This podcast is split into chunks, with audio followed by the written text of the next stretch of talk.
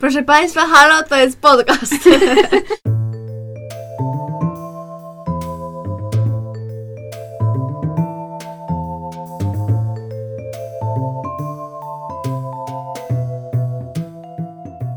Witamy Was w naszym nowym podcaście Gęsty opis popkultury. Żegnamy się z naszym poprzednim podcastem Bliskimi spotkaniami szóstego stopnia i zaczynamy nową przygodę. Ale jest nowa nazwa, ale stare my. Tak. Z roku na rok coraz starsze i coraz bardziej nas kości bolą. Czy mądrzejsze, to już musicie ocenić sami i same. No i jeśli jesteście nowi i nowe w, w tym rejonie internetu, to y, ja jestem Paulina, a ze mną jest Justyna. Oraz Gosia. No i Nie mamy kwalifikacji w żadnym z tematów, które poruszamy, ale nie stopuje nas to. Bo rozmawiać można o wszystkim. I o wszystkim, co hashtag ciekawe. To przede wszystkim. oczywiście. Więc może y, zaczniemy z pierwszym odcinkiem, z tematem pierwszego odcinka, który jest o zmierzchu. I trochę wybrałyśmy ten odcinek, ponieważ zmierzch po pierwsze przeżywa renesans, e, trochę związany z TikTokiem, ale również dlatego, że temat zmierzchu obija się o kwestię fanowania kobiecego czy dziewczynowego czy nastolatkowego. Jakby my jesteśmy fankami wielu rzeczy, więc to jest e, chyba dobry moment na, na, na, na pierwszy odcinek, jakby możemy trochę porozmawiać o tym. E, Ja bym chciała najpierw porozmawiać o w ogóle początkach zmierzchu, więc teraz wyobraźcie sobie rok 2004. A właściwie 2003 najpierw i pewnej pani, która jest mormonką, co jest bardzo ważne, śni się e, dziewczyna na łące, która leży z pięknym panem, który tam świeci w słoneczku i on chce ją zjeść. I to jej się śni. I postanawia ona, ta pani, która, której się to przyśniło, napisać książkę. Ja przepraszam pisz- bardzo, ale mi się śnią bardzo e, dziwne rzeczy, ale jakby nie robię z tego książki i ona też mogła jakby się powstrzymać. No tak. Ja nie zaprzeczam. E, no, nasze nastawienie do tego dzieła kultury jest, jak, jak widać, dość krytyczne, ale zanim właśnie przejdziemy tutaj do opinii, mimo że oczywiście wtrącajcie się, e, to napisanie tej książki zajęło trzy miesiące, co widać, słychać i czuć. I e, w ogóle ja właśnie widziałam taki, takiego TikToka swoją drogą, e, który mówił, że w ogóle to nikt nie mówi o tym, jak bardzo wszystko, co jakby sprowadziło się do wydania zmierzchu, jest mega przypadkiem i jakby szczęściem. Ciekawe dla kogo? No właśnie, y, bo Stephanie Meyer wysłała 15 listów do agentów literackich, z czego jakby jedna odpowiedź była pozytywna. I potem 8 wydawnictw kon- konkurowało o tą książkę. I jakby taka łatwość w znalezieniu właśnie czy agenta, czy wydawnictwa jest bardzo rzadka. I Ale nie wiadomo, czy ona miała jakieś e, wtyki, że tak powiem, czy... No, to prawda, to prawda, nie wiadomo nic. W każdym razie, no bardzo dobrze, jakby zwłaszcza jeszcze na, jeśli to jest debiut i w ogóle ona Mhm. no, wychowywała małe dzieci w tym momencie i ona dostała 750 tysięcy y, dolarów zaliczki. Co w ogóle jeszcze w 2004 to chyba była jakby jeszcze większa suma. Nie, tam jest, tam jest jakiś spisek. Tam jest jakiś spisek, moim zdaniem, ewidentnie, bo to Mormoński jest spisek. Tak. No ja, my, słuchajcie, możemy podążyć tropem i tam zobaczyć, czy jakieś wydawnictwo jest, wiecie, Zrobimy sponsorowane przez mormonów. I Mhm. tutaj em, odkryjemy prawdę. No ale w każdym razie właśnie mega... A, i w ogóle jeszcze dobra rzecz, która wspiera tą spiskową teorię, to jest, że prawa do filmu były kupione przed publikacją książki. Więc jakby... Ale przed publikacją tej pierwszej, w ogóle tej pierwszej, Tak. pierwszej książki? Czyli Tak. jakby zanim ona w ogóle Nie, tam jest wydała, to tak, bo mi się wydaje, że O wow. że czasem po prostu tak się dzieje, nie? Tak, Jeśli tak się zdarza. No na przykład też dziewczyna z pociągu. e, To był taki przypadek. Okej, ale w momencie, ale to też był debiut? Mm, tak. Wydaje mi się, że tak, no. Ale wiesz, Okej, jeśli na przykład okej. dobre wydawnictwo ją wydało, które się nazywa Little Brown and Company, jakby nie wiem, czy to jest dobre wydawnictwo, ale no, jeśli mają jakieś wtyki oni w Hollywood, no to... Ale też tak czasami bywa, że po prostu co jest, coś jest na hypie, nie? Tak jak właśnie dziewczyna z pociągu się dobrze strzeliła w ten moment, taki pogon girl i tak dalej, nie? Więc Ale właśnie nie, było. bo ja trochę się zastanawiałam, jakby czy Zmierzch w jaki on moment się w, wstrzelił, ale to może za chwilę o tym porozmawiamy. Mhm. No ja, E. mi się, ja mam teorię na ten temat, ale to już... To, Jak- to zaraz, zaraz e, Mhm. o tym porozmawiamy. No i właśnie tak to szybko poleciało i film wyszedł w 2008 roku, czyli mniej więcej 3 lata po książce był w produkcji. I, em, i pierwszy film wyreżyserowała Catherine Hardwick, która, ja ogólnie nie wiem, może Justynka lepiej będziesz jakby wiedziała, jak opisać jej filmografię, bo ona jakby chyba taki inny słynny film, który ona zrobiła przed tym, to było 13, które Tak, w ogóle było z 13, Nikki. Ona napisała to z Nikki Reed, która potem w Zmierzchu grała Rosalie. Kiedy, e, kiedy Nikki Reed miała 14 lat, więc to jest taki bardzo nastoletni film. Nie widziałam go, więc nic nie powiem. E, I w ogóle ja myślałam, że. E, bo jakby tylko pierwszy film był wyreżyserowany przez Catherine Hardwick, i ja myślałam, że potem jakby studio ją wywaliło, ale okazało się, że ona sama zrezygnowała e, z. Zrezygnowała z kręcenia kolejnych filmów, bo jakby studio strasznie chciało przyspieszyć to i tak dalej. I Catherine Hardwick gdzieś powiedziała, że tak najbardziej się podobała pierwsza książka. I ja bardzo lubię ten pierwszy film. Znaczy, ja miałam, jakby mój związek ze Zmierzchem był, jest różny Intensywny. intensywny, co właśnie też może za chwilę o tym jakby się zgłębimy, ale no ja lubię ten pierwszy film.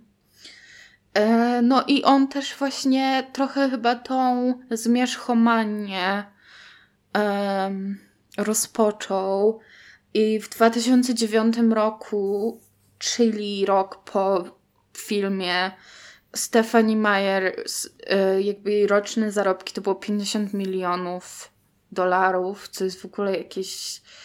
I wszystko poszło na mormonów pewnie. No pewnie tak. E, I później. A nie, i to przedtem, w 2008 roku. E, wyszła jej książka The Host, czyli Intrus po polsku, którą ja czytałam również. Nie wiem, czy wy. Ja nic Ja nie kojarzę tylko, ale nie czytałam też. Y, I w 2016 roku wyszła jej książka The Chemist, czyli chyba chemik.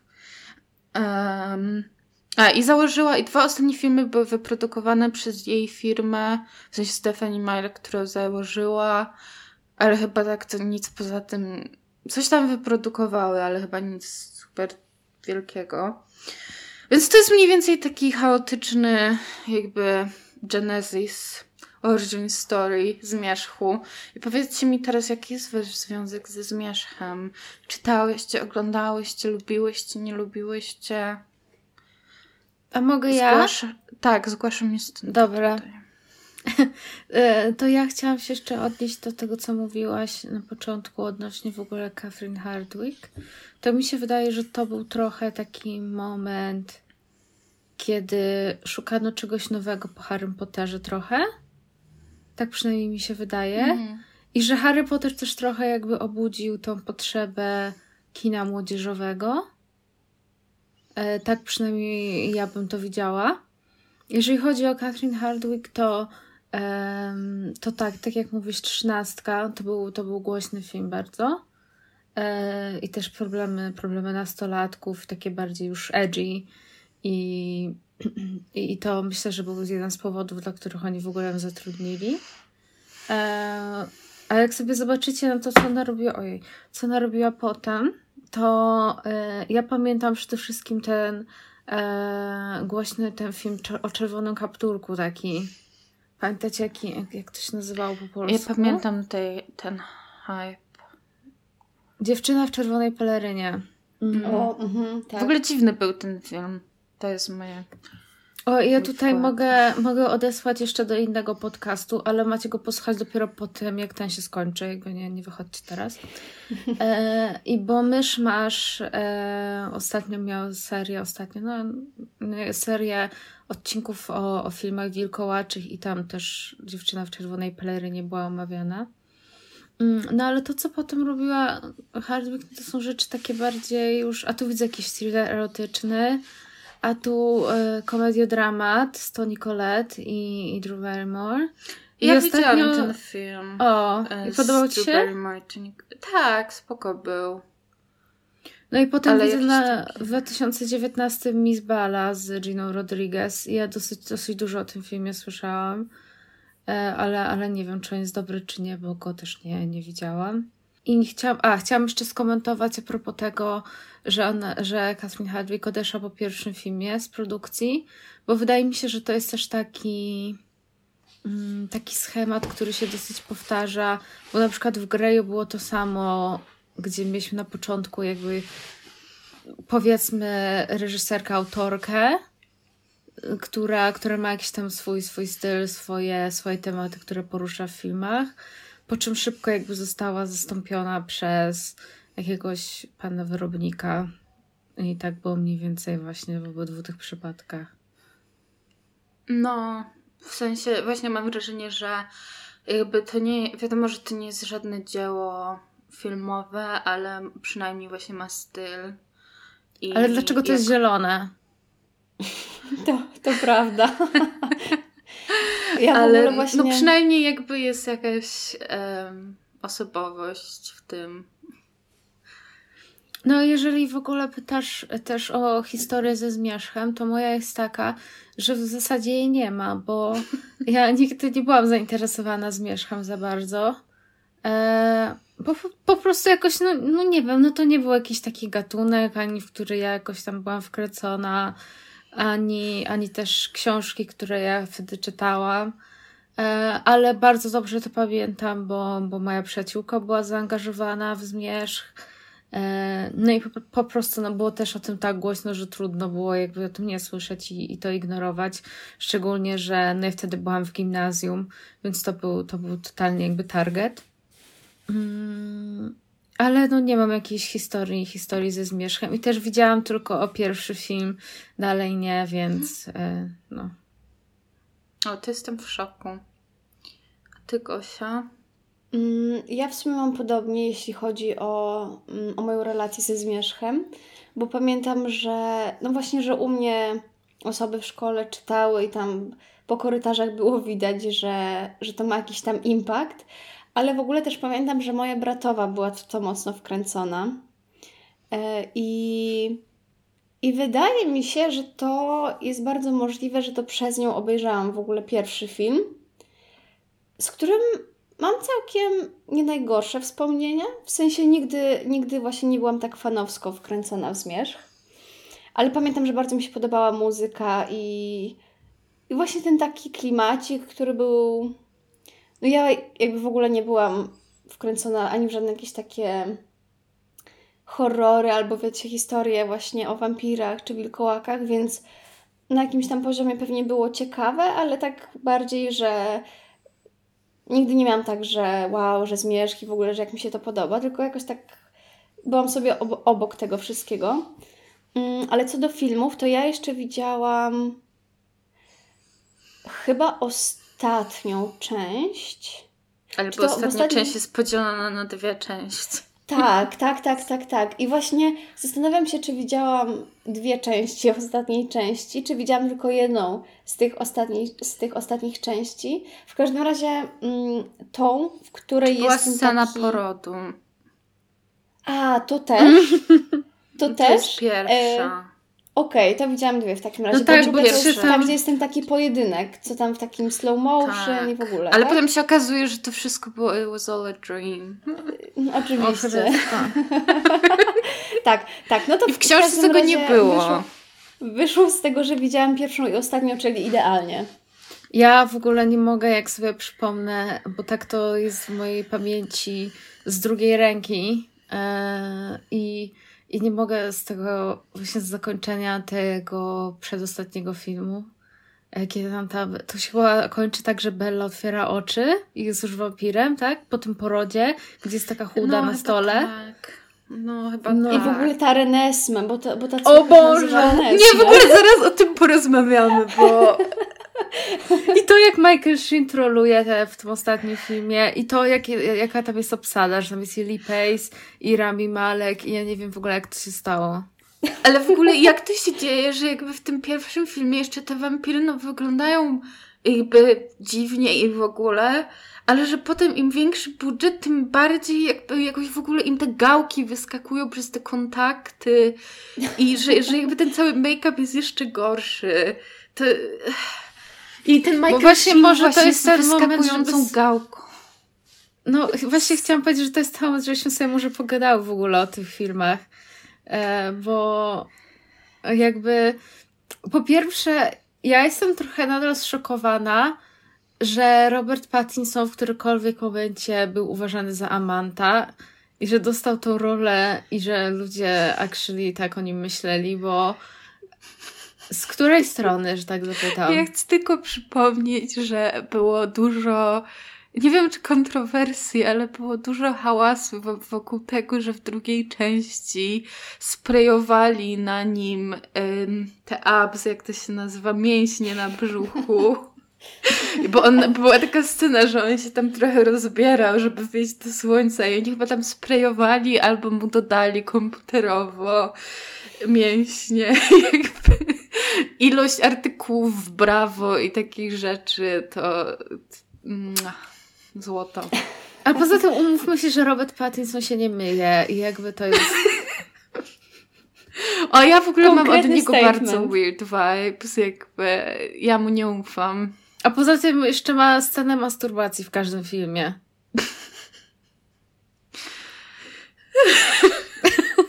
Ja tylko, o, o, a, a, chyba to było w tym, przed, w sensie pierwszej części, ostatniej części, to była też ta scena, gdzie oni mają noc poślubną i I ona Bella goli tak- nogi. tak, i Bella goli nogi.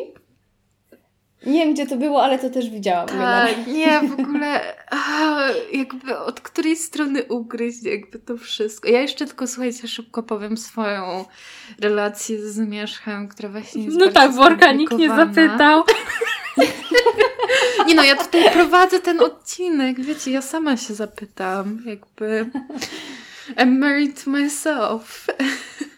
Um, właśnie bardzo intensywna relacja, ponieważ ja w okolicach wyjścia, znaczy tak przed wyjściem tego filmu, ale jak już był cały hype, to ja i moja przyjaciółka bardzo byłyśmy w, w ten, jakby w, tą- w tą całą rzecz za jakby miałyśmy obsesję, łagodnie mówiąc, i jakby cały merch, w ogóle wszystkie książki, w którymś momencie miałam grę planszową ze zmierzchu, która nie mam pojęcia o czym jakby była. No, ja, ja pamiętam, że moi rodzice musieli prosić mojego kuzyna z Anglii, żeby to wysyłał.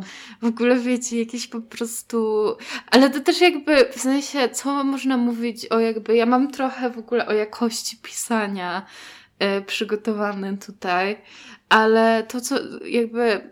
Czego nie mogę odebrać tej, tej serii, to jest to, że ona we mnie wzbudziła jakby chęć czytelnictwa, bo pamiętam, że zaczęłam to czytać, bo w ogóle mój brat dostał na święta od kolegi tą książkę I potem mi to dało do przeczytania, i to była w ogóle pierwsza i ostatnia książka, którą byłam w stanie przeczytać w samochodzie, bo byłam tak wciągnięta w nią.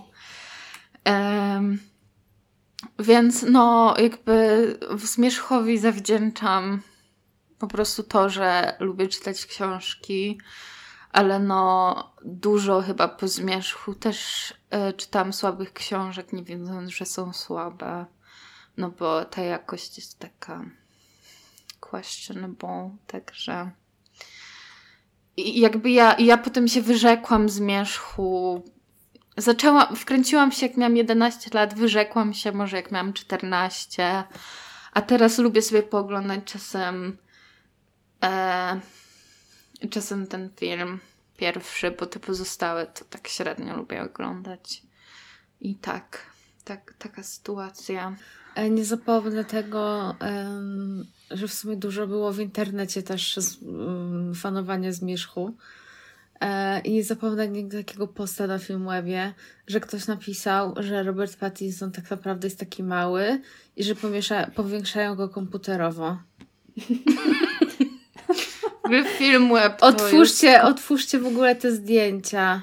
A nie, one już chyba są niedostępne. Można, można przeprowadzić temu. archeologię internetu poprzez Filmweb. Jakby. Naprawdę. Um... I kocham, kocham w ogóle tutaj to ostatnie zdanie. Co o tym myślicie? Czy nie uważacie, że nas oszukiwał? Ja jako fan czuję się oszukany. Już zerwałem plakat zmierzchu z nadłóżka. po, poważny, to jest poważny krok.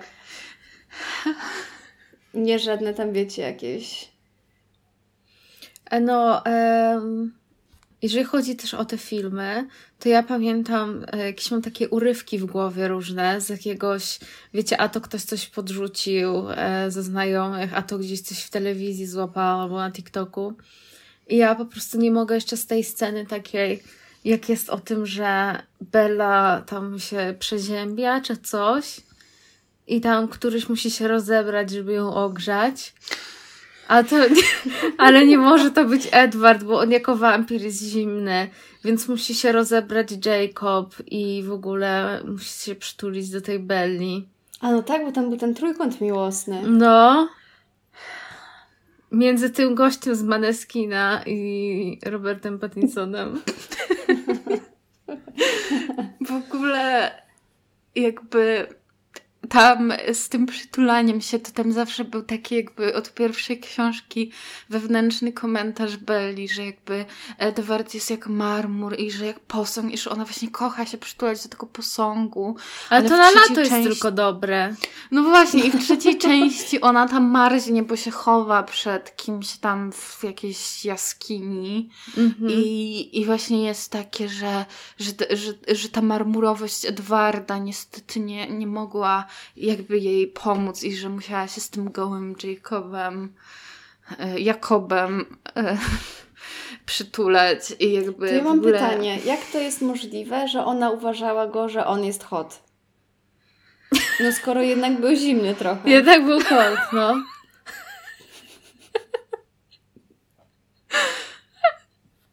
Gosia to zawsze idealnie podsumuje jakby całe no. zjawisko. Nie no, ja się zgadzam, to jest podsumowanie całego zjawiska.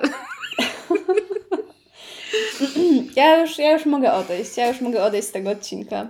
I w ogóle najważniejsza, najważniejsza rzecz jeszcze w tych filmach. Yy, możemy przeklinać, nie? No, tak. Dobra, o chodzi z tym dzieckiem. Bo jakby to jest najgorsze dziecko komputerowe.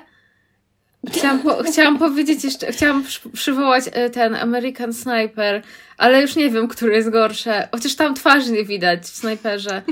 A tu niestety widać. I jest takie wklejone, gorzej niż na zdjęciach Royalsów, jak tego małego wkleili, tak też. No jest, jest źle. Ale swoją drogą, czy wy widziałyście jakby, ja nie pamiętam, czy wam to wysyłam behind the scenes, jak e, Taylor Lautner gra wilka, jakby tak! Jest w takim kostiumie i po prostu musi tak zniżać do Christine Stewart, go tam klepie po głowie i w ogóle... Musi się zniżać do Roberta Pattinsona małego. Nie. Bella, where the hell have you been, Loka? Ale to jest dobry, to jest dobry moment może na to, żeby poruszyć kwestię tego, jak TikTok tutaj zrenesansował. Ale wiesz co, zanim, zanim jeszcze do tego przejedziemy, e, to ja, to ja bym, ja tutaj nie dałam tego w naszej liście, ale jakby ja bym chciała po prostu porozmawiać trochę o kontentach zmierzchu. Znaczy kontentach, w sensie o tym, o czym jest zmierzch, bo ja mam tutaj w notatkach stronę, O, która no. się nazywa, pro, nie wiem czy to widać, problematyk. A tam I I tutaj chyba się piosenka-.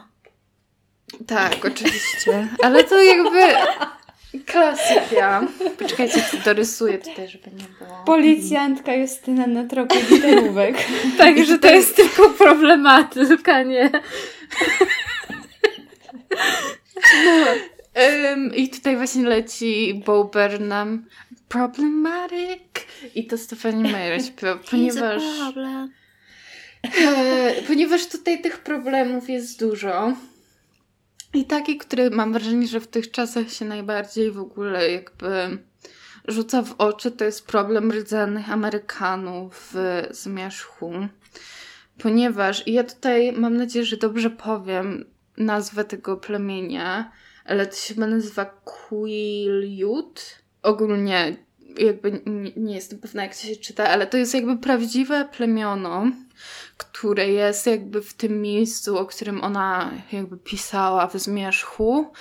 E, tylko, że problem jest taki, że ona totalnie jakby sobie wymyślała z dupy jakieś rzeczy i w ogóle strasznie dużo e, jest po prostu, w sensie tam jest chyba jedna rzecz, która jakoś się wiąże z wilkami w tej tradycji, ale tak poza tym to ona totalnie jakby przypisała tożsamość.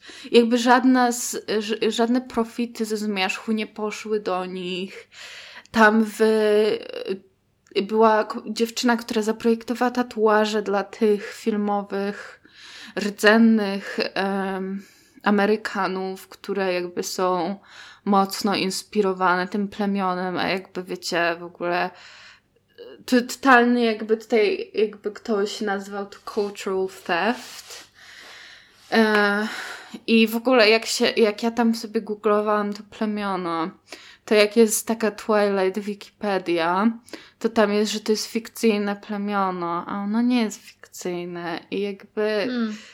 no to jest trochę masakryczne, jakby właśnie jakby ten level takiego przywileju w zabieraniu tej kultury i właśnie nie było żadnego, żadnej rozmowy z nimi, nie było żadnego, y, żadnej zgody.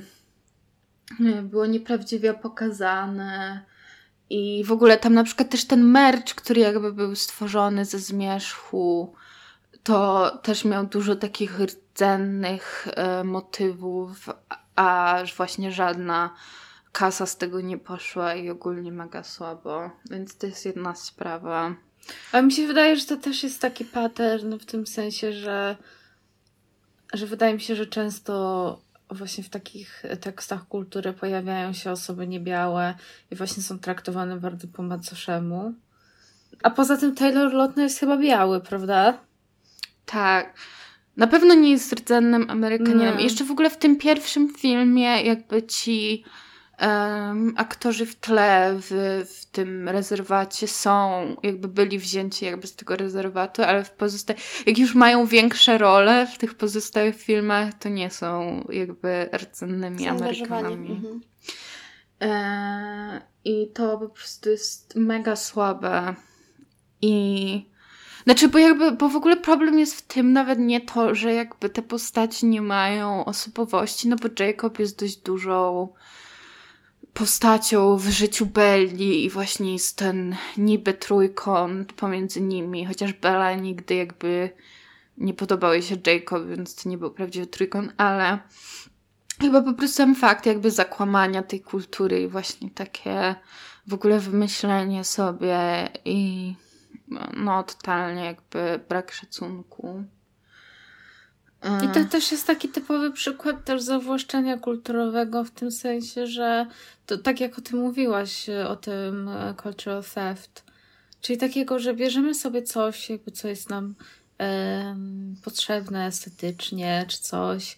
I to nie jest w celu, nie wiem, złożenia hodu tej kulturze i tak dalej, tylko wykorzystania czegoś, co nam się podoba, jakby nie zważając na całą resztę i jakby znaczenia, które to ze sobą niesie. No. Mm. I w ogóle właśnie jakby też już bardziej tak tekstowe, e, na przykład jeden tekstowy problem, który e, gdzieś wyczytałam w internecie, o którym nie myślałam wcześniej, bo też jakby nie, nie myślę o zmierzchu często w wolnym czasie, ale to jest na przykład właśnie ten fakt, że jakby, bo tam jest to takie, że Jacob się imprintuje, nie pamiętam jak to się po polsku nazywa, na córkę Belli Edwarda Mhm. i tam jest, bo tam w ogóle jest ta historia, że on za, zawsze kocha Bellę i że jakby on nie rozumie, dlaczego nie może zostawić tej Belli w, w spokoju. Potem właśnie się okazuje, że to dziecko przyszłe, to był ten powód. I jakby o tym w ogóle możemy zaraz oddzielnie porozmawiać, ale tam właśnie ktoś zwrócił uwagę, znaczy parę osób też zwróciło uwagę na to, że jakby, że Bella ma na przykład jakby te wybory, że Edward czy Jacob, ale że jakby te postaci właśnie z plemienia, z plemiona, plemienia chyba,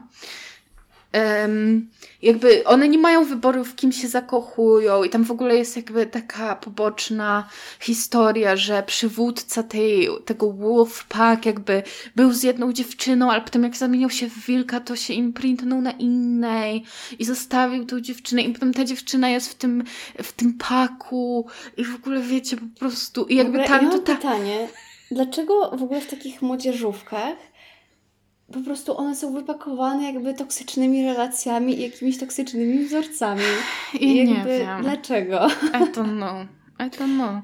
Ale, Ale jeszcze, właśnie tam jest brak tej e, po prostu i- jak to się mówi, że, że nie ma wyboru jakby ta postać Jacoba i to wszystko jest takie właśnie, że tutaj mamy białą panią, która sobie wybierze, ale już rdzenny Amerykanin to nie, to Ale wiecie, ja jestem też strasznie na to uczulona i od razu jak to powiedziałaś, to o tym pomyślałam, że to jest znowu jakby łączenie rdzennych Amerykanów z właśnie naturą i ze Mhm. zwierzętami i tak dalej. I jakby ja tego nienawidzę, jak ktoś tak jakby porządkuje w ten sposób e, właśnie swój świat w książkach i filmach czy coś, jakby Tak, ale tam w ogóle jeszcze właśnie to jest y, jakby cały czas kontrastowane z tym, że Kalenowie są tacy bardzo. Trochę to jest takie kultura versus natura, bo oni są O, tacy totalnie. bardzo wiktoriańscy i właśnie tacy bardzo No tak, nobiali. No tak, i tam są, oni są w ogóle chyba, do, tak, dok, doktorem jest ten ojciec? Tak, tak.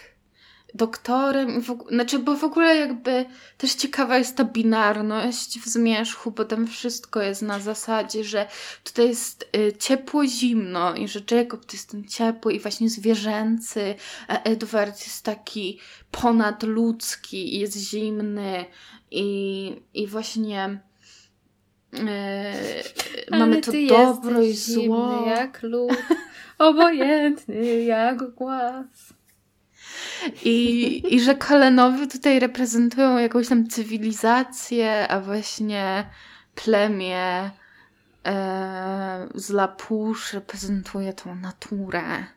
I to jest bardzo w ogóle mormoński wątek, co znowu prowadzi mnie tutaj do całego problemu mormonów w zmierzchu. To znaczy, nie wiem, czy to jest problem, ale A, bo chciałam powiedzieć jeszcze, jak będziemy teraz, bo rozumiem, że do tego przychodzisz, Paulinka, czyli do jakichś tam też wątków mormońskich i tak dalej w zmierzchu, to ja trochę sobie myślę o, nie wiem, czy znacie taki film e, Bitwa o Ziemię z Johnem Travoltą. To jest taki jakby beznadziejny, taki, wiecie, legendarnie zły film. Johnem Travolta, który jest scientologiem. No właśnie chciałam powiedzieć, bo to jest oparte na książce tego Habarda. E, i, I jakby ja cały czas myślę o tym jakby w tych samych kategoriach, że w sumie zmierzch tak samo jakby jako nośnik takich idei e, związanych z mormonami i tak dalej, nie? I jakby Znaczy, w ogóle to, ciekawe- co się przenosi do mainstreamu jakby, nie? Tak, ale w ogóle ciekawe jest też, że po prostu jakby mam wrażenie, że tego na pewno jakby, bo mor, mormonizm, jakby to się nie tak nazwano, ale wiecie o co mi chodzi. Jest bardzo taką amerykańską religią, w sensie ona jest Mhm. zrodzona i utrzymywana w Stanach Zjednoczonych. I ona bardzo jakby wpływa na tą kulturę, bo ona się też wpisuje w to takie konserwatywne, właśnie, no bo to jednak jest taka odchrześcijańska religia, więc ona się bardzo wpisuje jakby w te takie tradycyjne, konserwatywne tradycje. I no tam jest dużo właśnie problemów z tym i, i też rasowych na przykład. I ja tak szybko przejrzałam teraz na przykład, jak się przygotowywałam do tego podcastu, jakąś pracę naukową, która jakby pokazywała, że nawet jakby wampiry, które są czarnoskóre, są jakby opisywane bardziej zwierzęco. I no i to jest tylko jeden jakby z problemów związanych z, z mormonami. I wygooglujcie sobie, jak wygląda seks mormonów. Bo jakby w tym podcaście, w tym odcinku jest to mój motyw przewodni. Bo w ogóle patronuje temu, temu odcinkowi. Ale właśnie jeszcze a propos osób czarnoskórych y, u mormonów, to w ogóle oni żyją teorią, że, y, że osoby czarnoskóre y, są czarnoskóre, bo były ukarane przez Boga, bo tam chyba y, się zbuntowały. Ja nie, nie wiem dokładnie. Bo tak, no, że nie, generalnie są naznaczone tam jakimś Tak, grzechem no z góry i czy coś takiego, więc... Girl, jakby to jest. E, ale właśnie jakby ta binarność u mormonów jest taka mega ważna. I no chyba jak w większości chrześcijańskich wierzeń, właśnie to dobro, zło. I jakby tam u mormonów ponoć jest taki cały problem, że szatan chce odebrać wolną wolę. I, a jakby ludzie potrzebują tej. odwrót? Nie, właśnie. Ale że- nie, w sensie, że- czy na odwrót nie jest w chrześcijaństwie i Justynka, tak ty nic nie, ty nic nie wiesz. Ja też Aha. nie wiem. W ogóle To też. dobra. Jakby oni wiedzą lepiej, jaka jest prawda. No tak. Ale... To jest prawdziwsza prawda. właśnie szatan chce odbrać tą wolną wolę, ale że jakby potrzeba jest tego grzechu, żeby jakby móc czynić dobro. I właśnie jakby ta wolna wola się cały czas tam w tym zmierzchu przewija, bo ten Edward tam jakby cały czas gada, że właśnie jakby jest cała ta wegetarianizm, że oni nie jedzą ludzi, tylko zwierzęta i właśnie to jest ten wybór i że to czyni Edwarda i jego rodzinę dobrą, że oni po prostu wybierają choose life. I, O Jezu, i- właśnie chciałam powiedzieć, że jednocześnie obrzydliwie proliferskie są książki Meyer. W ogóle pamiętam, że my kiedyś chyba jak robiłyśmy odcinek o książkach, albo chyba tak, Mhm. e, to pamiętam, że właśnie Paulinka wspominałaś o intruzie i Mhm. takim wydźwięku bardzo, bardzo jakby pro, proliferskim tam. Tak, właśnie antyaborcja to jest kolejny punkt zbrodni Stephanie Meyer. To znaczy, jakby w ogóle w zmierzchu samym tam autentycznie jest całe, że jakby Bella w ogóle nie, nie pozwala nikomu mówić na to, jak jest w ciąży, na to dziecko płód i że jak ktoś sugeruje, żeby tam uratować. Gosia, co ty robisz? Tutaj właśnie opiszę, że moja mimika tutaj była bardzo... Ja myślałam, że nie wiem, że coś tam złego dzieje. Ale nie, właśnie tam jest cały czas, że Bella właśnie nie pozwala, że mówi na to płód i że jakby tam wszyscy w tym domu chcą jakby zabortować to dziecko, ale ona nie pozwala, mimo że ona ją dosłownie zabija i jakby poród zaczyna się tym, że Belli się łamie kręgosłup, co jest bardzo dosłownie pokazane w filmach i nie polecam. Znaczy, to jest w sumie taka według mnie pro-choice właśnie, jak się ogląda te filmy, to nie wiem, komu się chce być w ciąży. Ale no... No jest problematyk to, jak jest pokazywane i potem właśnie według mnie w intruzie jest używana bardzo y, jakby wizualna szata, bardzo jakby jest taka pro-life i ja mam z tym problem jakby... Znaczy jakby... Bo to, to jest dla mnie jakby taka w ogóle jakby rzecz, nad którą się zastanawiam, czy, czy jakby to jest moralne, żeby swoje przekonania religijne pokazywać w, w tekstach i tak dalej.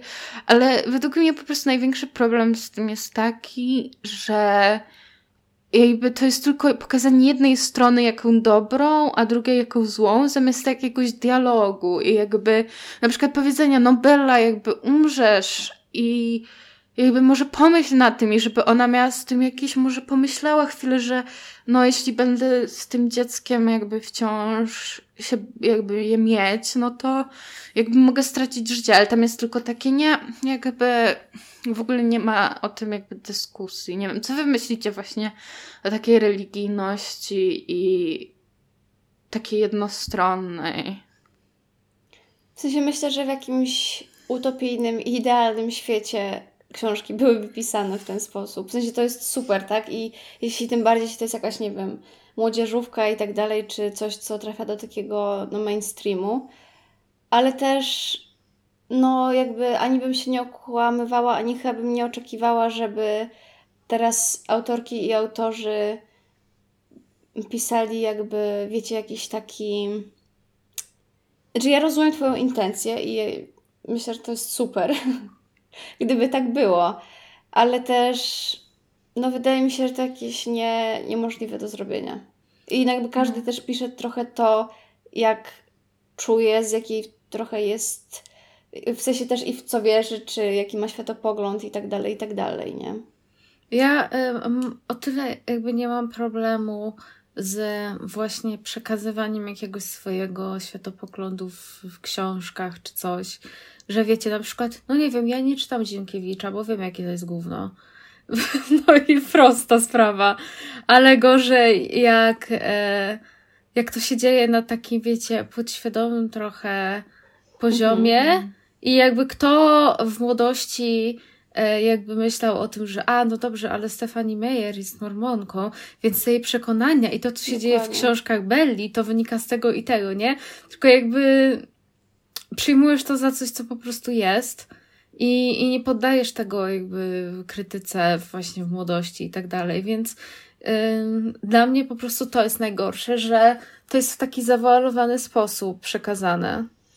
Czy myślę, że to też to, co mówisz z tym K, to trochę dowodzi temu, że jakby trzeba uczyć ludzi czytać krytycznie, bo mam wrażenie, że w polskiej przynajmniej szkole, jakby z mojego doświadczenia, to niekoniecznie było jakby krytyczne myślenie, tylko po prostu wkój, jakby przeczytaj, bo to jest Pan Tadeusz, a no jakby... I na przykład, nie wiem, co ciekawe byłoby w Panu Tadeuszu, nie wiem, na przykład wątek szlachty i tak dalej, jakby o tym, to jest jakby już jakieś krytyczne spojrzenie na cokolwiek, nie?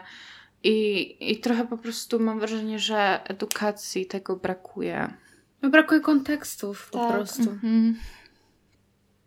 E, A czy jeżeli mówimy o zbrodniach Stefani Meyer, to ja mogę powiedzieć o takiej, która też mną wstrząsa i jest to zbrodnia modowa, ponieważ nie wiem, czy e, kojarzycie, bo to też na TikToku jest e, obiekt drwin, e, jak jest opisany ubiór Belli w którymś tam momencie, że ona jest tak, wiecie, tak, że ona, ona się tak czuje, tak wiecie, mm, ten.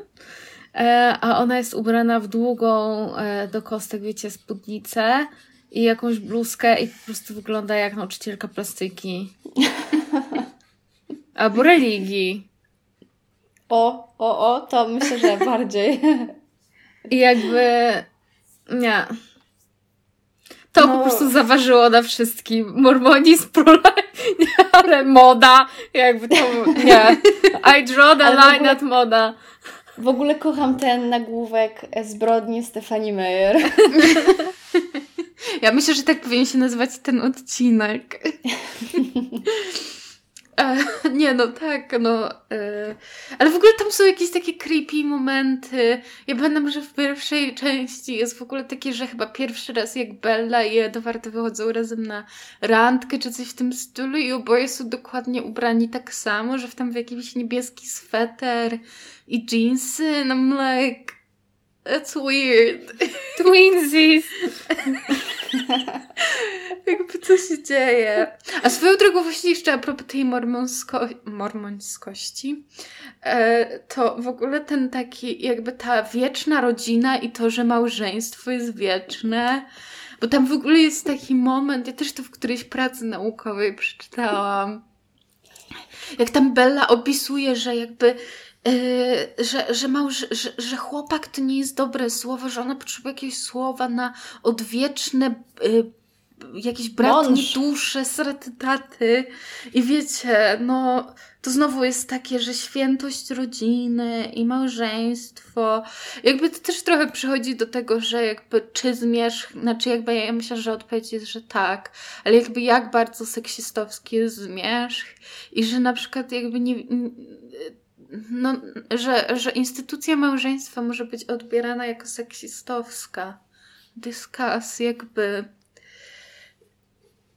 W zmierzchu mamy totalnie właśnie takie, że no to będzie takie odwieczne małżeństwo i tak dalej. I właśnie mamy te stereotypowe role płciowe i, i w ogóle jeszcze a propos jak są te różne skandale z mormonami, którzy mają yy, którzy mają niektórzy 10 żon, albo tam na przykład żenią się ze swoimi dziećmi, to właśnie ta rodzina Kalenów, gdzie wszyscy są, mają to samo nazwisko, ale, i so, ale są parami, jakby. Nie, w ogóle to jest beznadziejne. I jakby, wiecie, to też mnie tak uderza. To jest kolejny po modzie, po prostu uderzający mnie element, że jak można być wampirem i być, i być tak lame? Jakby... Aha. Otóż to. Otóż I to, to wybierać jest po prostu pytanie. Nieustanne życie w liceum. Co jest takiego fajnego w liceum, że chcesz tam ciągle być? Bo jakby ja nie wiem. Szczególnie jak jesteś w ogóle tutaj outsiderem. No ja rozumiem, że tutaj cool i zimny i marmurowy, ale Powiedzcie, Ja bo Edward tam oszukuje Belle, jak mówi, że on nie lubi tych czytać myśli, ale wiecie, wszystkie laski w liceum na niego lecą, jego to pewnie kręci. No he's a perf, no i... Bo jakby ma A poza 100 tym umówmy lat, się- a wiecie, a poza tym nie zapominajmy, że kto siedział jakby e, za firanką, no. I się patrzył na śpiącą Bellę. No. Mm. Ale wiecie Pamiętajmy co, powiem wam, że to, co jakby to jest właśnie coś, co mnie trochę zawodzi w tym renesansie zmierzchu teraz, że jakby jest tyle rzeczy złych ze zmierzchem i jakby spoko, jakby ja czuję nostalgię, jak nie wiem, kurde, patrzę na bladą gębę Roberta Pattinsona, ale no jakby dlaczego? W sensie chyba już powinniśmy jakoś jako kultura no nie, nie romantyzować takich rzeczy. Jakby co wy myślicie w ogóle o tym renesansie i skąd on się wziął? I No to jest No. nostalgia, to jest totalnie nostalgia nie za samym zmierzchem, tylko wiecie, za jakby takim specyficznym momentem, w którym mniej więcej wszyscy byliśmy w życiu. A E, TikTok bardzo temu pomaga. tak. I poza tym jeszcze em, ten taki nowy trend e, jakby odgrywania scen, czy to właśnie ze zmierzchu, czy nie wiem, z Camp Rocka, czy z That, czyli właśnie takiego wiecie, śmiania się jakby z tych przerysowanych, z przerysowanej gry aktorskiej. Ale to wszystko jest trochę bardzo takie, popularne. I to mi się trochę kojarzy z moim liceum, gdzie było takie, że no czytamy słabe książki ironicznie, ale tak naprawdę to nie jest ironiczne. I jakby ja, nie wiem, dla mnie to jest trochę takie udawanie, że coś jest ironicznie, ale jakby no nie do Znaczy myślę, że na tym jest. etapie nikt tego nie czyta. No, tylko po no prostu, wiesz, jedzie na, jedzie na takich wspomnieniach, no i memuje. Ale poza tym czajcie, jaki to jest w ogóle całe takie domino tego, że po prostu Stephanie Meyer przyśniło się coś i jakby coś tu zaczęło, nie? A jakby kończy się, wiecie, jakby gdzieś tam na after czy coś, nie? W ogóle przepraszam, dokładnie tak, ale a propos tego, że jej się przyśniło i to, że w ogóle ta ostatnia scena jest jakby takim domniemanym snem. Przepraszam, w ogóle ta, ta koda uderzyło mnie to teraz, musiałam się tym podzielić. Ale już, e, mów, mów, mów o tym, że, że after. No nie, no, że po prostu jakby, no. wiecie, no, no, no tyle jest złego. Tak, ale totalnie tak i jeszcze ja cały czas to będę po prostu powtarzać, że dla mnie to jest straszne, że absolutnie w tych, właśnie w tego typu młodzieżowych jakby tych seriach i tak dalej, mm, no te wzorce jakichś takich relacji i bardzo różnych, bo nie chodzi tylko jakby o sam, o same te takie relacje romantyczne, ale wiecie, też różne jakby przyjaźnie i tak dalej, które tam są kreowane, to są po prostu fatalne i są no wręcz szkodliwe, nie? Czasami, więc, więc to jest takie moim zdaniem przykre dosyć. Ale w ogóle właśnie też te 50 twarzy Greya um, też jest jakimś dziwnym fenomenem i ale w ogóle też dla mnie jest ciekawe, jak kultura teraz szybko jakby się posuwa. To znaczy, na przykład, wiecie, jak jest ta zasada 20 lat w modzie, że jakby wracają Mhm. trendy modowe co 20 lat. Kiedy Jakby outfit teraz- wróci. Czekamy! I teraz jakby totalnie się skraca ten czas. No i ja mam wrażenie właśnie, że nostalgia ze zmierzchem, który no. No nie był, był. niedawno. Tak, w sensie nawet jeśli to było kilkanaście lat. Bo tak w sumie za trzy lata to będzie chyba 20 lat od wydania. No ale że to nie jest naprawdę długi czas, a jakby już jest nostalgia za tym. Jakby to jest dla mnie dziwne. Ale Mi się to- naprawdę wydaje, że w tym, e, w tym bardzo właśnie jakby TikTok pomógł i takiego po prostu to takie jakby ta możliwość takiego trochę niekończącego się remiksu. W sensie remiksu mam, mam mm, rozumiem to jakby pod tym no właśnie pod takim ciągłym w sumie przetwarzaniem, nie? Jakby czy odgrywaniem chociażby, czy jakimiś komentarzami i tak dalej, i tak dalej, że, że trochę to się tak nie kończy. Mhm. Ale w ogóle, czy TikTok jest nowym Tumblrem pod takim względem? Ja mam wrażenie, że każdy znajdzie swoją niszę na TikToku. I ja na przykład przez długi czas nie chciałam wchodzić na TikToka, bo myślałam, że jakby to są tylko tańce. A jakby teraz głównym moim jakby to, co mi się pojawia na TikToku, TikToku to jest zbieranie grzybów. tak, to jest zbieranie TikToków o smaku grzybów, w sensie i mam totalnie wrażenie, że to jest jakaś najbardziej e, jakby po prostu rozległa część internetu. Ja czekam, aż ci się tam będzie pojawiało Phantom Fred Paulinka. No ja bym chciała. Ja w ogóle grzyby to jest ciekawe. moje życie. To jest w ogóle też bardzo ciekawe pod takim względem, że ogólnie jak kończyłyśmy e, bliskie spotkania nagrywać, to jeszcze zupełnie żadna z nas w ogóle nie była na TikToku. Tak, bo nasz po, po, e, ostatni odcinek chyba był jakoś w pandemii, ale już tak chyba tak, bo nagrałyśmy Palm Springs, potem był odcinek o obiecującej młodzie, młodej kobiecie, A. który nie wyszedł. Więc to było luty? A, faktycznie. No tak, to już było, to już było po, po jakimś tam Ale to może pandemii. Justynka była na TikToku. Tak, to już, tak. tak ty tak, też tak. byłaś, Gosia, chyba. Tak, Bo też ty była, latem założyłaś, no. no. Mhm. Tak, no ale w każdym razie mam takie poczucie, że, że tak jak na przykład teraz nie rozmawiamy o zmierzchu, to rozmawianie w takim kontekście kulturowym, bez w ogóle wspomnienia o TikToku w tym momencie, Tyle to, się wiecie, zmieniło. no naprawdę. Gdzie te czasy się podziały? I wiecie co też jakby ja myślę, że to byłby dobry moment na segway o fanowaniu, ale wydaje mi się, że to jest tak znowu rozległy temat, że nie wiem, czy jakby jest czas, żeby poruszać go tutaj teraz. Ale to może tylko szybko po prostu porozmawiajmy o tym, że jakby, że zmierzch mimo właśnie tego bilionowego jakby przychodu nigdy nie był traktowany poważnie i że to trochę wynika z tego, jak traktujemy zainteresowania kobiet i dziewczyn w kulturze. Mhm.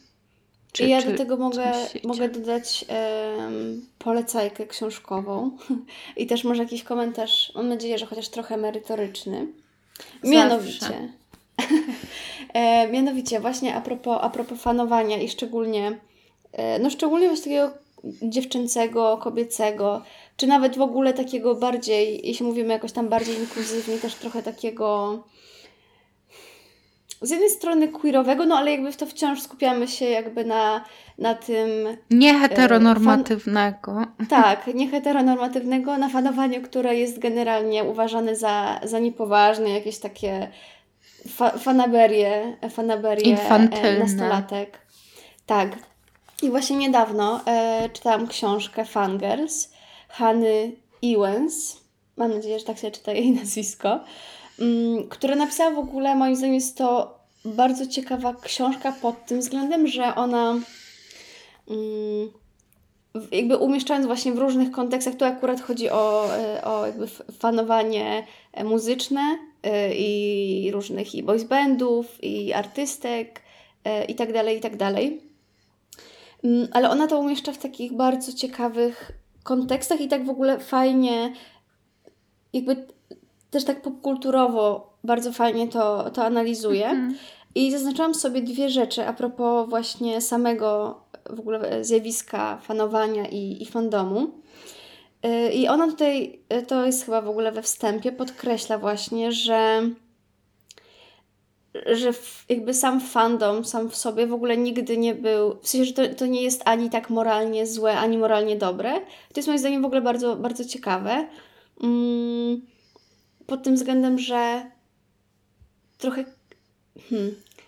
Trochę każda, mam wrażenie, z nas wie, że jakby z czym się też wiąże jakaś taka obsesja i tak dalej, i że czasem to jakby jasne może się ym, obrócić w bardzo, no jakieś takie też ekstrema, nie? Ale to I też jest kwestia fanowania prawdziwych ludzi i, i Tak, też, znaczy mam jasne. wrażenie, że to nawet jakby nie chodzi na przykład o to, jak są te całe, że nie wiem, z One Direction i tak dalej, ale że nawet w zmierzchu jakby ja pamiętam takie, że jakby ty nie do końca już wiesz jakby zwłaszcza jako młodsza osoba jakby gdzie jest ten aktor, a gdzie jest ta postać i, Mhm. i to, to niekoniecznie może być dobre. O, ja od razu myślę o em, tej książce Anny Todd, o której Wam już mówiłam wielokrotnie, czyli o Imagines, Mm. gdzie macie tę historię e, z prawdziwymi osobami. I jakby znowu to, to, to, to takie słowo, że prawdziwe osoby, w sensie to też jest jakaś kreacja literacka, więc tam jakby kwestia w ogóle postaci jest na dwóch poziomach trochę, w sensie postaci, którą dany aktor lub aktorka gra, a postaci takiej, wiecie, medialnej. To prawda. W ogóle właśnie też tutaj w tej książce jest, e, bo, bo ta autorka też porusza tam em, fragment, jest, jest fragment o, o fanfikach i to jest super, bo, mm, bo ona tutaj w ogóle się daje wypowiedzieć fankom E, i jakby to jest, wiecie, fajne, że w sensie ona sama jest fanką, ale też jakby, że daje po prostu głos osobom, które, które fanują, które piszą fanfiki i tak dalej, i tak dalej i przedstawia, jakby w sensie po prostu opisuje to, że jakby one same wiedzą też po jakiej takiej czasem cienkiej granicy stąpa, stąpają, tak się mówi? Mhm. Stąpają, tak. E, I, I że wiedzą, że to są jakby pr- prawdziwe osoby, tak? Ale że z jednej strony ta, ta jakaś kreacja literacka i tak dalej, jeśli. Mm, bo tutaj było chyba też. Mm, tutaj było o ta, pisaniu takich fanfików, też wiecie, takich personalnych i tak dalej. Mhm. Więc jeśli to nikogo nie krzywdzi, to jakby to nie jest niczym Ale właśnie to złym, jest nie? Na pytanie, do jakiego poziomie. stopnia to nikogo nie krzywdzi. Na przykład jest ten płyn, y, y, przykład, że Camila Cabello i jedna laska, z którą to chyba się było Fifth Harmony, one były razem Mhm. w tym i właśnie y, jakby fani strasznie je shipowali i właśnie ta dziewczyna, której imienia nie, nie pamiętam, bo się w ogóle nie znam na tym, mówiła, że jakby to realnie wpłynęło na jej relacje z Camilą Cabello i że w ogóle jakby tam jeszcze dochodził ten wątek, że jakby ona jest queerową dziewczyną i że to też ją stawiało w takim świetle e, agresorki, e, która właśnie jakby podąża za jakby straight dziewczyną, więc to też jakby to miało realne jakieś tam konsekwencje ich przyjaźni czy whatever. No wiecie, ja też sobie myślę na przykład o przypadku, nie wiem, Bradley'a Coopera i Lady Gagi. I myślę, że jakby jest to dosyć emblematyczne, że e, oni bardzo szybko jakby rozstali się e, ze swoimi partnerami po tym, co się działo właśnie w związku z narodzinami gwiazdy i tak dalej. Bo ja mogę sobie tylko wyobrazić, jak czuły się osoby, z którymi e, oni byli w związkach wówczas kiedy po prostu cały świat ci mówi, że twój partner, partnerka powinna być z kimś innym, powinien, tak? Przecież to jest coś okropnego w zasadzie. Nie wiem, to jest, to jest ciekawe, bo też ja e, czasem się zastanawiam, czy jakby my trochę nie przeceniamy, jaki wpływ jakby mamy tak naprawdę na te gwiazdy. Ale na przykład wydaje mi się, że jakby potęga grup fanowskich, na przykład One Direction albo właśnie Camille Cabello, jednak przerasta memy z Bradleyem Cooperem i No ja w ogóle właśnie K-popu to nawet nie dotykam, bo ja zupełnie nic nie wiem na ten temat. Wiem tylko, że jest BTS i Pink coś. Blackpink. Ale Blackpink. Ale właśnie jakby, że, że mam wrażenie, że jednak fani może Bradley'a Coopera, którzy tam jakby ja sama bardzo sobie ceniłam memy jakby z Oscarowych jakby mhm. performance'ów, ale że nie wiem, czy to jest taki sam wpływ jak w One Direction, ale że właśnie to też na pewno, no właśnie tak jak mówisz Justynka, czy to ma wpływ, czy nie, ale na pewno nie jest miłe, jak się na coś takiego trafi, jakby jako prawdziwa osoba, mhm. a nie mhm. tylko medialny Bradley. Ja chciałam jeszcze powiedzieć, że ja uważam, że gdyby K-poperki chciały, to mogłyby zrobić przewrót polityczny, który ustawiłby je na e, czele jakby całego świata, ale one nie chcą i tylko dlatego to się nie dzieje. Ale to prawda, no właśnie powiem Wam, że, yy, że w fanowaniu trochę, trochę to, że to jest takie społeczne, jakby też przeżycie, w sensie w ogóle przeżycie i zjawisko, nie? Bo to nie jest tak, że znaczy jasne, możesz sobie też fanować przed komputerem i tak dalej, ale jednak wiesz, że jesteś w jakiejś społeczności, że to ma w ogóle, że to może mieć w zasadzie bardzo duży taki, no właśnie taki społeczny, czy pewnie nawet jakiś, w jakimś sensie polityczny impact, nie? I. A czy tam w ogóle chyba była ty... jakaś właśnie, przepraszam, tak szybko tylko wtrącę, mhm. że była jakaś historia z K-poperkami, e, że one jakoś strollowały chyba jakieś Trumpową nie pamiętam, co to dokładnie było, ale że chyba jakiś konwent, czy może to był konserwatywny konwent. A, no, no. Coś, coś było. No. Więc no. właśnie tam, tam jest jakaś polityczna moc też, ale mów go się dalej, bo ci przerwałam. Nie, nie, nie, nie. No w zasadzie, w zasadzie, w zasadzie tyle, że, że to jest po prostu bardzo ciekawe, że przynajmniej jakby jest taka przestrzeń w kulturze, gdzie że trochę to jest taka, mam wrażenie, mm, jak to powiedzieć, taka wiecie, nie, nieogarnięta siła. Mm-hmm. Takich ludzi, którzy często, osób w ogóle, które często właśnie są niebrane na poważnie, albo ale to jest taka wiem. prawdziwie Don't demokracyjna... poperki Ale w ogóle to jest taka prawdziwie demokracyjna siła, bo jakby tam nie masz czegoś, że głosujesz na kogoś i wybierasz coś, tylko że autentycznie jakby każdy osobiście, jakby osobno, ale w grupie ma jakąś siłę sprawczą. Ale ja też tak myślę. Jak na prezydenta. Jak powiedziałaś o jakby tym aspekcie takim demokratycznym, to ja się też zastanawiam e, w zasadzie nad takim aspektem, tylko nie wiem jak to ubrać w słowa że jakby to jest grupa w ogóle zorganizowana wo, jakby wokół jakiegoś, wiecie, że jakby stoi na przykład tak jak osoby wokół Gwiezdnych Wojen, że to jest duża korporacja Disneya i że osoby są mhm. trochę zgromadzone wokół jakiejś takiej dużej no wiecie, korporacji, w kapitalizmie i tak dalej. Tak, tak, że to jest jakby po prostu cały ciąg takich różnych jakby relacji władzy, relacji wpływów i że to jest wszystko tak ze sobą dosyć jakby powiązane i że sam fandom jest uwikłany w mnóstwo też różnych jakby problematycznych, jako, jako samo zjawisko w ogóle, nie? Ale też, e, jak powiedziałyście o, tych, o tej sile K-poperek, też politycznej, to ja myślałam o tym, że w zasadzie nie trzeba szukać daleko, bo tak a propos rzeczy, no to bardziej medialnych, ale pamiętacie na przykład tą akcję z Filipem Heizerem i z Dzień Dobry TVN? Mm.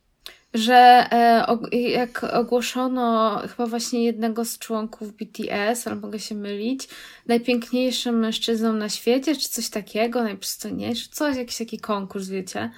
E, I potem Filip Heiser chodził ze zdjęciem po mieście i pytał się ludzi, i wiecie, jak to ludzie, przynajmniej takie wybrali wtedy wypowiedzi, że w ogóle, no nie, że gdzie to tam, i że mężczyzna to męski, tam już Kalczyńska chyba wtedy prowadziła z sołtysikiem, wydaje mi się. E, no, a jakby jeszcze czarę goryczy wtedy przelał fakt, że oni w ogóle dali zdjęcie kogoś innego niż Wow. e, tego kolesia, który autentycznie to wygrał. Mm, he's a problem. To, to Bo nie jest pierwszy raz, jak Heiser jest problematic, ale jakby Bo wtedy... Wtedy... nam sponsoruje ten, pod, No. ten odcinek. Ale wtedy jak, jak duże zrobiło się zamieszanie i że oni wystosowali przeprosiny i tak dalej, jakby to, to jest dosyć jakby duża grupa. Ale też wiecie, no, fani, em, nie wiem, Zaka Snydera, którzy e, wybłagali sobie Snyder Cut. To, to jakby ta, ta sprawczość jakby grup fanowskich Ale ja też mam wrażenie, że, że z drugiej strony czasem to jest przeceniane w takim sensie, że mam wrażenie, że na przykład cały cancel culture, jak jest postrzegane, że niszczy ludziom życie i jestem jakby... Ja wiem, że wielu ludziom jakby to sprawia dużo jakby bólu psychicznego i tak dalej, ale fakty są takie, że jakby Louis C.K., który jakby był całkowicie jakby usprawiedliwiony, jakby cancelled, to, że on jakby, jakby, nie wiem, chyba kilka miesięcy po tym jakby turował i że ludzie I wyprzedał e, wszystkie miejsca w Polsce. i, I ludzie sobie trochę jakby wmawiają, że, że właśnie fake news i właśnie kultura, że po prostu już nie można nic zrobić w internecie, bo po prostu zniszczą ci życie. To jakby to, że są jakieś dramatyczne przypadki, to wcale jakby nie oznacza, że, że tak naprawdę jest. I mam wrażenie, że jakby uważam właśnie, że jest duża siła fanowska, ale że też czasem ludzie po prostu mają wrażenie, że, że jak się na coś zwróci uwagę i że się powie, że jakby, ej, nie wiem, ten film jest rasistowski, to że po prostu już cywilizacja upada. Ale wiecie, na przykład e, właśnie też z drugiej strony, przecież jak tam wypłynęły te jakieś tweety Jamesa Gana, to chyba też na, na, po tym jak Disney go zwolnił, to chyba właśnie duży wpływ miał odzew fanowski i w ogóle ludzi dookoła niego, żeby z powrotem go zatrudnić. W tym sensie, że no to jakoś nie, nie, to, nie był, to nie było jakieś takie, wiecie, bardzo bardzo duże przewinienie, szczególnie, że jakby no, on nie skrzywdził personalnie nikogo i też jakby przeprosił za, za swoje słowa. A, ale z drugiej strony nie wiem, czy widziałyście, ja muszę to jeszcze przeczytać, bo, bo jeszcze nie przeczytałam. Mm, ostatnio Johnny Depp e, głośno tam gdzieś mówił właśnie, że cancel culture po prostu już wszystkich nas w ogóle zniszczy. To jest takie straszne. Like, shut up, dude. E, I on miał wywiad z chyba Wróblewskim w polityce ostatnio. Bo jakby Johnny Depp nadal wygrywa jakieś nagrody, co jest dla mnie w ogóle dziwne. Ale w ogóle, jakby nawet powiem wam, no y, tylko dokończę, że powiem wam Mhm. szczerze, że jakby wydaje mi się, że z Johnnym Deppem to też w znacznym stopniu wyszło nawet poza e, całą sprawę z Amber Heard, bo po prostu ten koleś jest mesem jakimś totalnym. Jakby w, w tym, jak pracuje e, i jakby co robi w swoim wolnym czasie i tak dalej, jak traktuje innych ludzi. I jakby to nie ma, to, to jest jakby, to jest tylko jedna cegiełka tego, że on po prostu to jest jakiś train wreck, nie? No i chcę powiedzieć, że właśnie a propos biedny Johnny Depp, to dlaczego ja w kółko w telewizji widzę reklamy perfum z nim, które no jakby nie, nie oszukujmy się, że on dostaje miliardy za, czy przynajmniej miliony za jakby Mm. powiedzienie sauvage jakby w telewizji i no taki biedaczek, no bid, hashtag bidulka. No, co I nie. znaczy jakby na przykład dla mnie jedyna osoba, która została jakby tak przynajmniej tak z tego co ja wiem, jakby autentycznie cancelled i to bardzo słusznie, to jakby Kevin Spacey, bo jakby i ludzie, jakby ja mam wrażenie, że jak czytam czasem komentarze o nim i coś w tym stylu, to ludzie jakby jednoznacznie z tego spektrum politycznego mówią, że on po prostu wydaje się jakby creepy, jakby gross dude i że nikt nie chce jego powrotu. Ale, wiecie, to- że to też mi się wydaje, że jest coś takiego jakby w tej, bo po to, że środowiska lewicowe jakby tak od, od razu jakby też o tym myślą, to jest jedna sprawa, ale wydaje mi się, że jest coś takiego w tych środowiskach bardziej konserwatywnych, że jakby też zgadzają się z kancelowaniem Kevina Spacey, bo to jakby też pasuje im do narracji o, wiecie, zepsutym liberalnym Hollywood. Mhm. Mm, No i w ogóle, że jakby tam to jakby te oskarżenia miały jakby nieheteronormatywne zabarwienie. Tak. Myślę, że to też znacznie wpłynęło na to. Znaczy w ogóle on jakby to, jak on sobie poradził z tym wszystkim, czy nie poradził, to było jakby gross i że on miał takie, że no tak, no by, jakby sexually assaulted, ale muszę zrobić coming out jako gay man.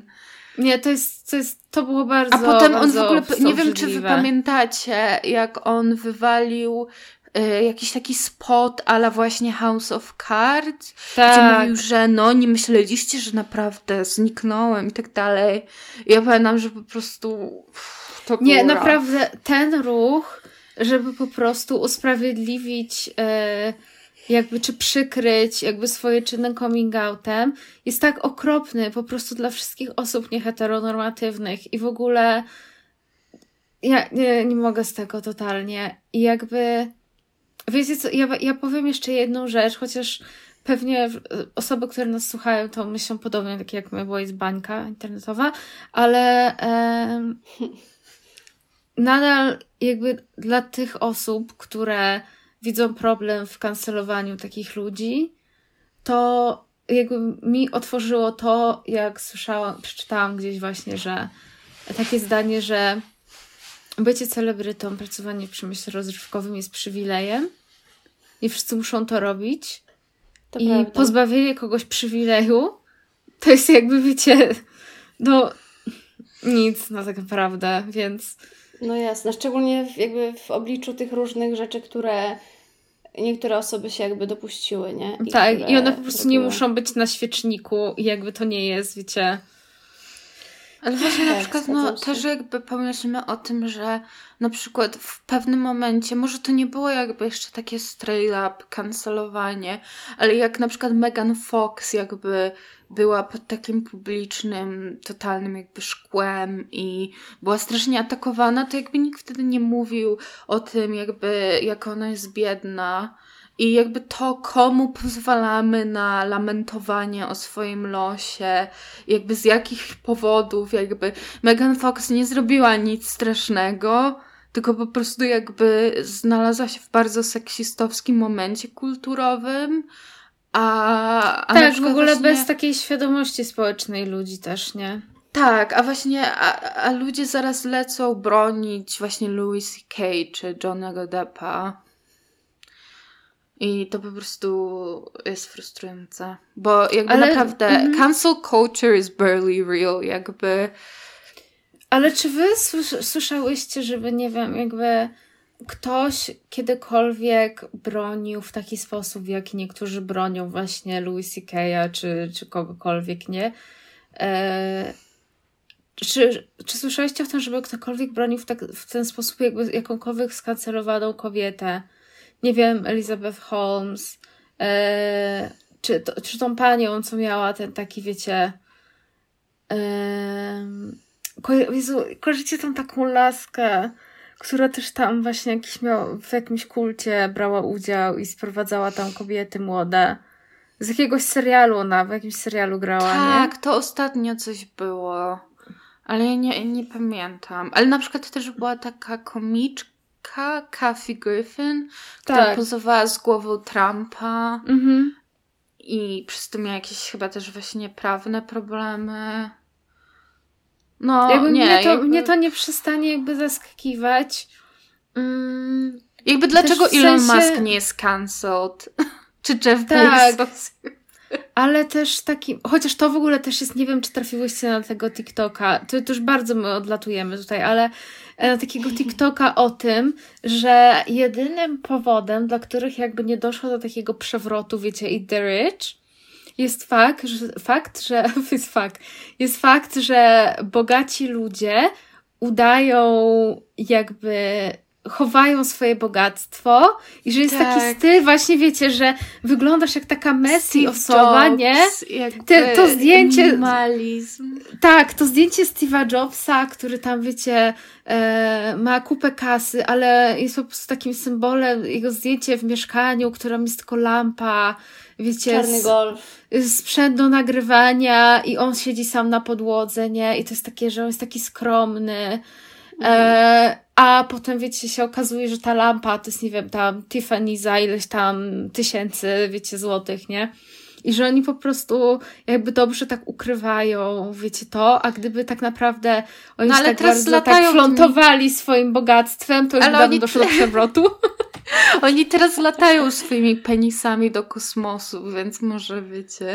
A, E, jakby, Ale bo na przykład też właśnie to porównanie do Marii Antoniny, jakby, że wtedy jakby, mimo że sama Maria Antonina jest niezrozumianą postacią historyczną, ale jakby po prostu to, jak wtedy to ten dochód i bogactwo były jakby dosłownie po prostu nawet we włosach, a teraz właśnie no czarny golf i Ale szczególnie, że ten Mhm. koleś na TikToku nawet tam opowiadał o tym, że w sumie jesteśmy jeszcze w gorszym stanie jakby nierówności niż z czasów rewolucji francuskiej. I jakby nikt z tym nic no, nie no tak, robi, to się, nic nie sugeruje, jeszcze- ale... Girl. to się po prostu tylko jeszcze pogłębia. I się będzie pogłębiało. No.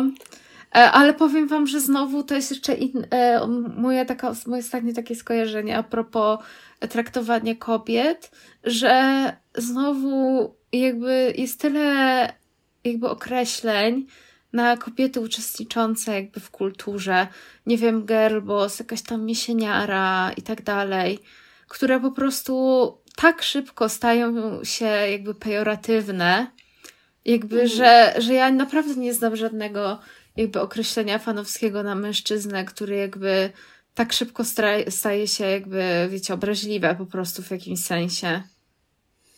Ale też jest w ogóle, to trochę jest em, od, te, w sensie od tematu trochę w temacie, ale a propos właśnie tych różnych nazw, jak powstają. I to tak w przemyśle muzycznym, nie? Jak wszystkie jakby od każdej e, artystki czy jakichś zespołów i tak dalej właśnie są, że Swifties albo że em, znam się jak jest od Ariany Grande. Tutaj tematycznie, znaczy to, to, to nie Tak, muzycznie, ale Twihearts. No. To A jak się nazywają fani naszego podcastu? No teraz to już wiesz, teraz to nie wiadomo jak zmieniłyśmy nazwę, to No. Gęści i gęsty. Gopers? Jak gay-poperki, gay-poperki.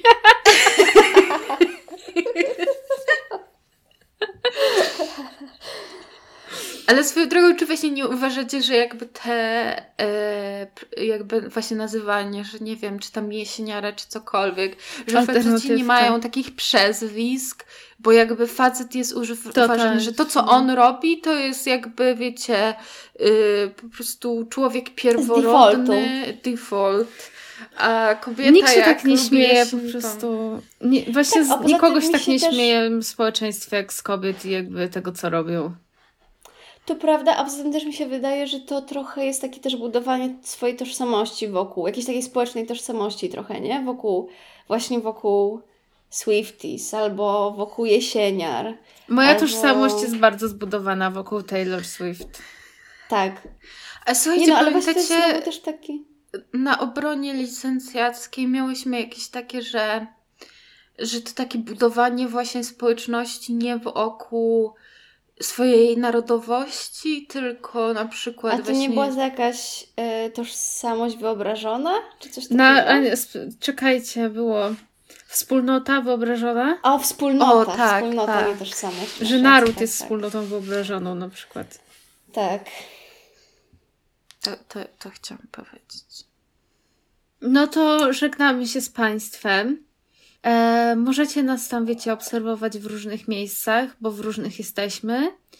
E, teraz już nazwa naszego podcastu brzmi Gęsty opis popkultury, ale Będziemy bliskich... to często powtarzały, żeby się Tak. e, osłuchało. Tak, ja będę wstawiała takie po prostu wstawki z takim szeptem Gęsty opis popkultury. Żeby coś tak, wiecie, podświadomie, tak jak te takie, wiecie, pojedyncze kadry w Tak jak, pod, Ste- podziemnym kręgu. Tak, tak jak Stefani, e, Stefani Meyer, która e, podświadomie tutaj mormo, mormońskie wartości Dokładnie. Ja czekam na właśnie książki scjentologów, którzy tam mówią. No to mówię ci, bitwa o ziemię. Możecie nam wysyłać maila na 6 kropeczka stopnia małpagmail.com. Być może ostatni raz już to powiem. Zobaczymy. E, I i już, już. Jeśli ktoś chce nas sponsorować, to wiecie, Zapraszamy. podbijajcie. Jesteśmy gotowi wysyłać. No nie, dobra. To jeszcze będzie o tym mowa. To ja nie będę To zdradzać. magii na gości. To To magii na gości, poczekajmy. No, także. to dziękujemy, jeśli przetrwaliście z nami. To Mówiła, intelektualną podróż. mówiła do Was Justyna. Gosia. I Paulina. Ale nie, zawsze było inaczej. Ale no bo właśnie teraz musi być inaczej, bo to już jest nowe my. Aha, no dobra. No, pa! Pierwsze koty za płoty. Pa!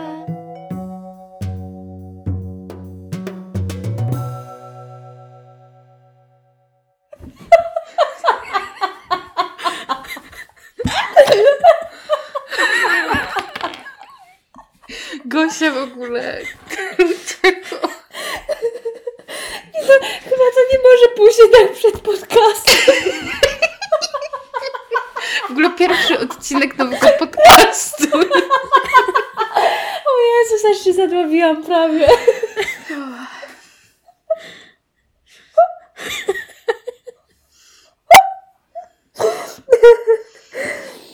O Jezus. No nie wiem co powiedzieć na to. TikTok po prostu kopalnia wiedzy. Le legit wiedzy. Ale jaka dobra koleżanka, że tak pomaga, nie? Ale w ogóle ja przeczytałam, słuchajcie, kiedyś cały reportaż o Mormona i tam nic nie było o tym. Ja się czuję oszukana.